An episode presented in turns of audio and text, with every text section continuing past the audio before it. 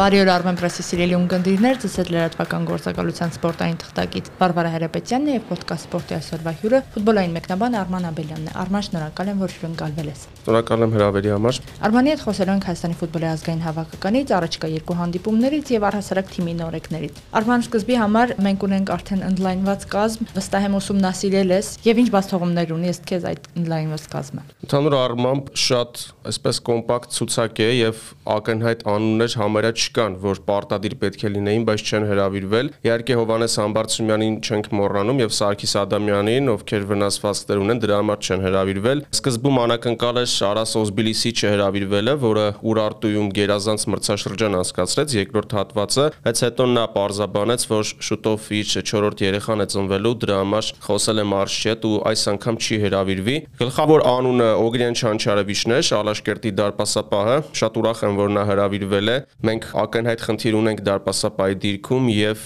այս դեպքում Չանչարևիչը լավագույն լուծումն է ըստիս, ավելի լավ լուծում, քան կլիներ օրինակ Վսևորոդ Երմակովը Արարատ Արմենիայից, որի անունը նույնպես քննարկվում էր։ Մեծ փորձ ունի Չանչարևիչը, արդեն տարիներ շարունակ Ալաշկերտի հիմնական դարպասապահն է, Եվրոգավաթներում է շատ խաղացել։ Սա շատ բանի մասին է խոսում եւ չեմպիոնության համար պայքարող թիմում, եթե դու այդքան տարի հիմնականն ես, ուրեմն մեծ արժանինքներ ունես։ Ընդլայնված կազմի հետ այլ նորարարություններ չտեսանք, ի տարբերություն նախորդ մարշչի, ով երբեմն երբեմն երիտասարդների էր հրավիրում եւ մեր զարմանքին էր արժանանում։ Ինչ կասես այդ մասին, ինչու չի փորձում նաեւ նոր անունների հայտ բերել Պետրակովը։ Կարծում եմ այդ շարքը շարունակվում է, այսինքն հիմա մեկ նոր անուն ունենք ամեն դեպքում Սերգեյ Մուրադյանը Նոայից, որը 18 տարեկան է եւ ծմռանը տեղափոխվեց Նոա, շատ մեծ առաջընթաց է գրանցել ու զգացվում է, որ ապագայում կարող է մեզ օգնել։ Այս անգամ չկա Երջանիկ Ղուբասարյանը, որը վնասվածք ունի, սպասում էի նաեւ Ուրարտուից Արման Ղազարյանին, եւս մեկ կենտրոնական պաշտպանի, բայց նա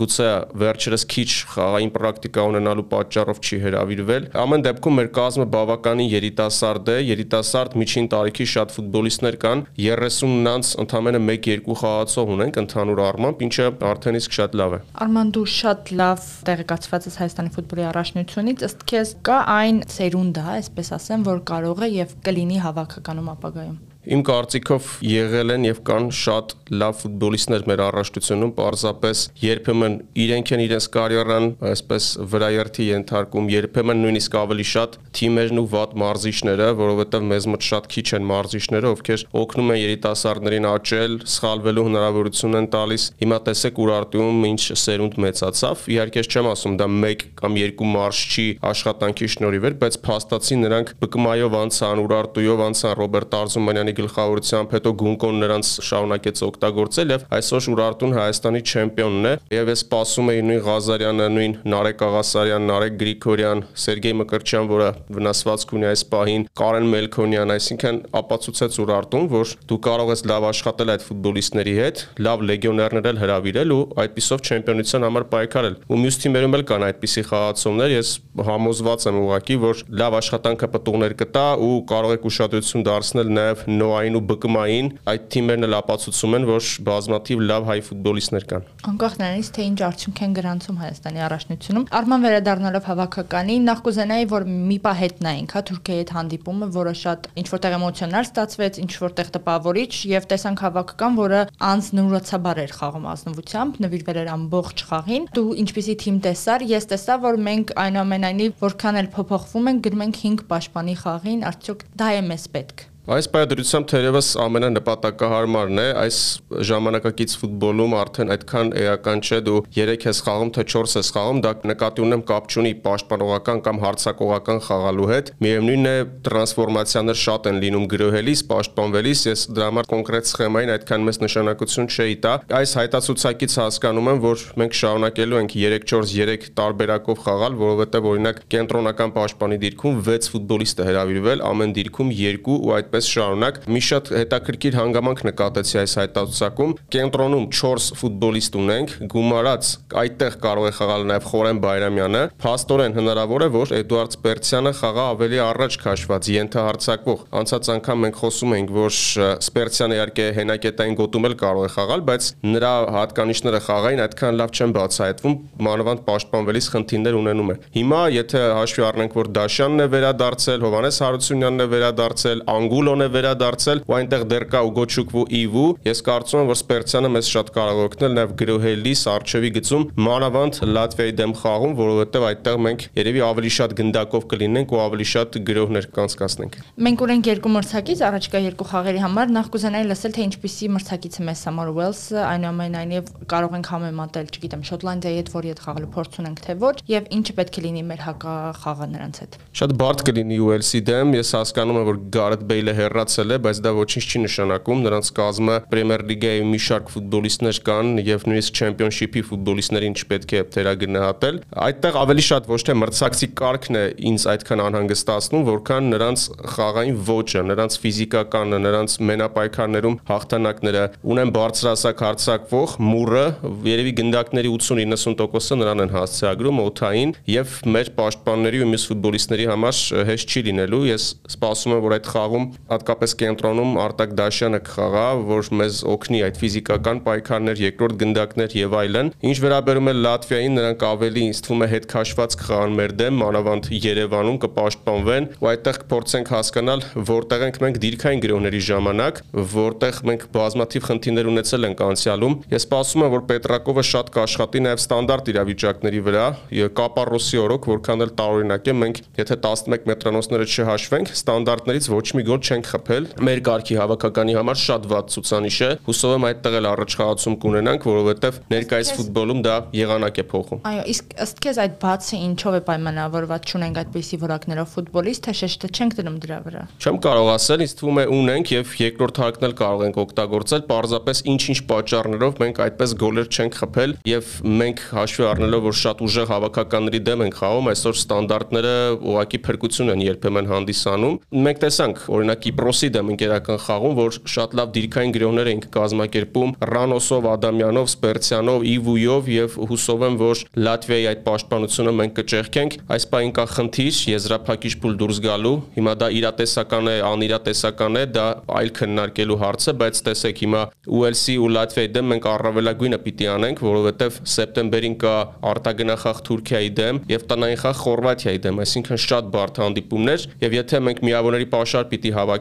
դա այս երկու խաղերում պիտի լինի։ Արման, ես կուզենայի լսել քո կարծիքը նաև Հայաստանի հավաքականի նորեկների մասին, Տիկնեզյանի, Հարությունյանի եւ Ռանոսի մասին։ Ռանոսին տեսանք երկի Կիպրոսի հետ խաղում, նախորդ երկուսին Հարությունյանին եւ Տիկնեզյանին նաև մյուս խաղերում։ Ինչ տպավորություն ստացար, արդյոք նրանք այն հիմնասյուները կարող են լինել, որի վրա ստեղծենք նոր սերնդափոխություն ապրող հավաքական։ Այո, նրանք երիտասարդներ են, շատ լավ դրսևորեցին իրենց։ Հարությունյանից կարծես ոչ ոք այդպիսի խաղ չէր սպասում, նույնիսկ Կրասնոդարում, որտեղ նա արդեն հիմնական կազմի ֆուտբոլիստ է սկսում դառնալ։ Ռանոսը տեղափոխվեց Բունդեսլիգա, Տիկնիզյանի խաղը տեսանք շատ տպավորիչ, բայց հիմա արդեն սպասելիքները նրանցից մեծացել են։ Սա կարևոր գործոն է։ Եթե սկզբում մենք չգիտեինք ինչ սպասել, օրինակ 4-րդ Բունդեսլիգայի ֆուտբոլիստից, Տիկնիզյանը երկար ժամանակ չէր գալիս, ինչպես կընդունի թիմը, ինչպես կընդունեն երկրպագուները եւ այլն։ Հիմա նրանք ինչ որ սպասելիքներ են ձևավորել, նույնը նաեւ Գեորգի Հարությունյանը։ Եվ պիտի փորձեն այդ նշաձողը պահել։ Դա ավելի դժվար է լինելու։ Օրինակ Թուրքիայի դեմ այդ էմոցիոնալ պահը շատ էր,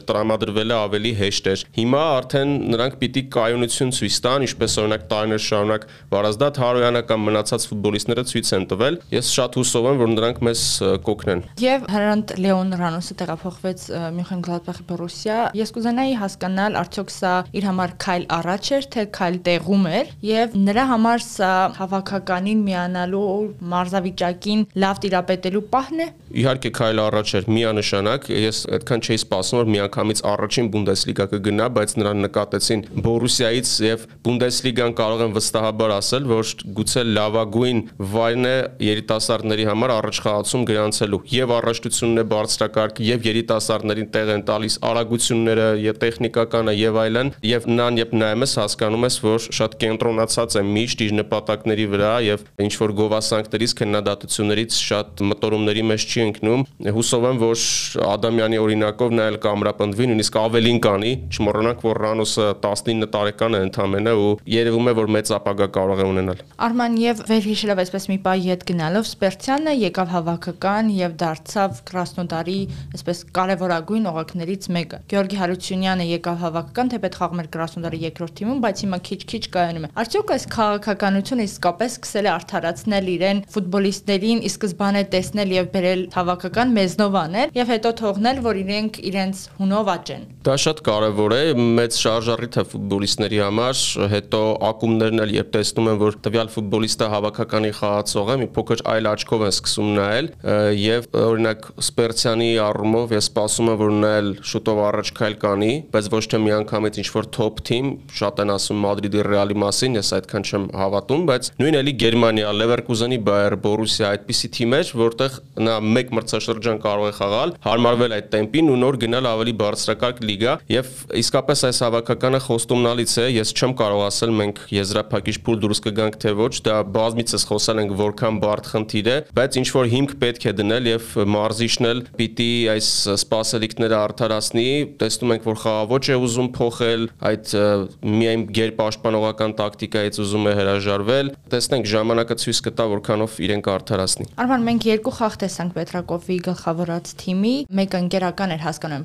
փորձարկումների շրջանել էր նաև եւ Թուրքիայի հետ շատ էմոցիոնալ խաղ էր բոլորի համար սպասելի։ Ըստ քեզ Պետրակովը այն մասնագետն է մեր տեսակի հավաքականների համար եւ ինչ ունի առավելագույնը տալու երկու խաղը վերլուծելու արդյունքում։ Ես ավելի մեծ հեռանկարով եմ նայում, այն ժամանակ էլ եմ ասել, հիմա էլ կասեմ, որ նա պիտի թիմ կառուցի եւ ոչ թե նրա աշխատանքը դատենք դուրս կգան եզրափակիչ փուլ, թե դուրս չեն գա։ Նույնիսկ մեր լավագույն ոսկե սերնդով մենք եզրափակիչ փուլ դուրս չենք եկել, այսինքն դա բարդ խնդիր է բազմաթիվ պատճառներով։ Ես հուսում եմ, որ խաղաղոճը նա կշարունակի ներդնել։ Սերնդափոխություն իմ կարծիքով արդեն կատարվել է եւ փորձառուներ կան եւ երիտասարդներ ու մնացածն էլ արդեն ժամանակը ցույց կտա։ Արման շատ շնորհակալ եմ զրույցի համար։ Շնորհակալություն։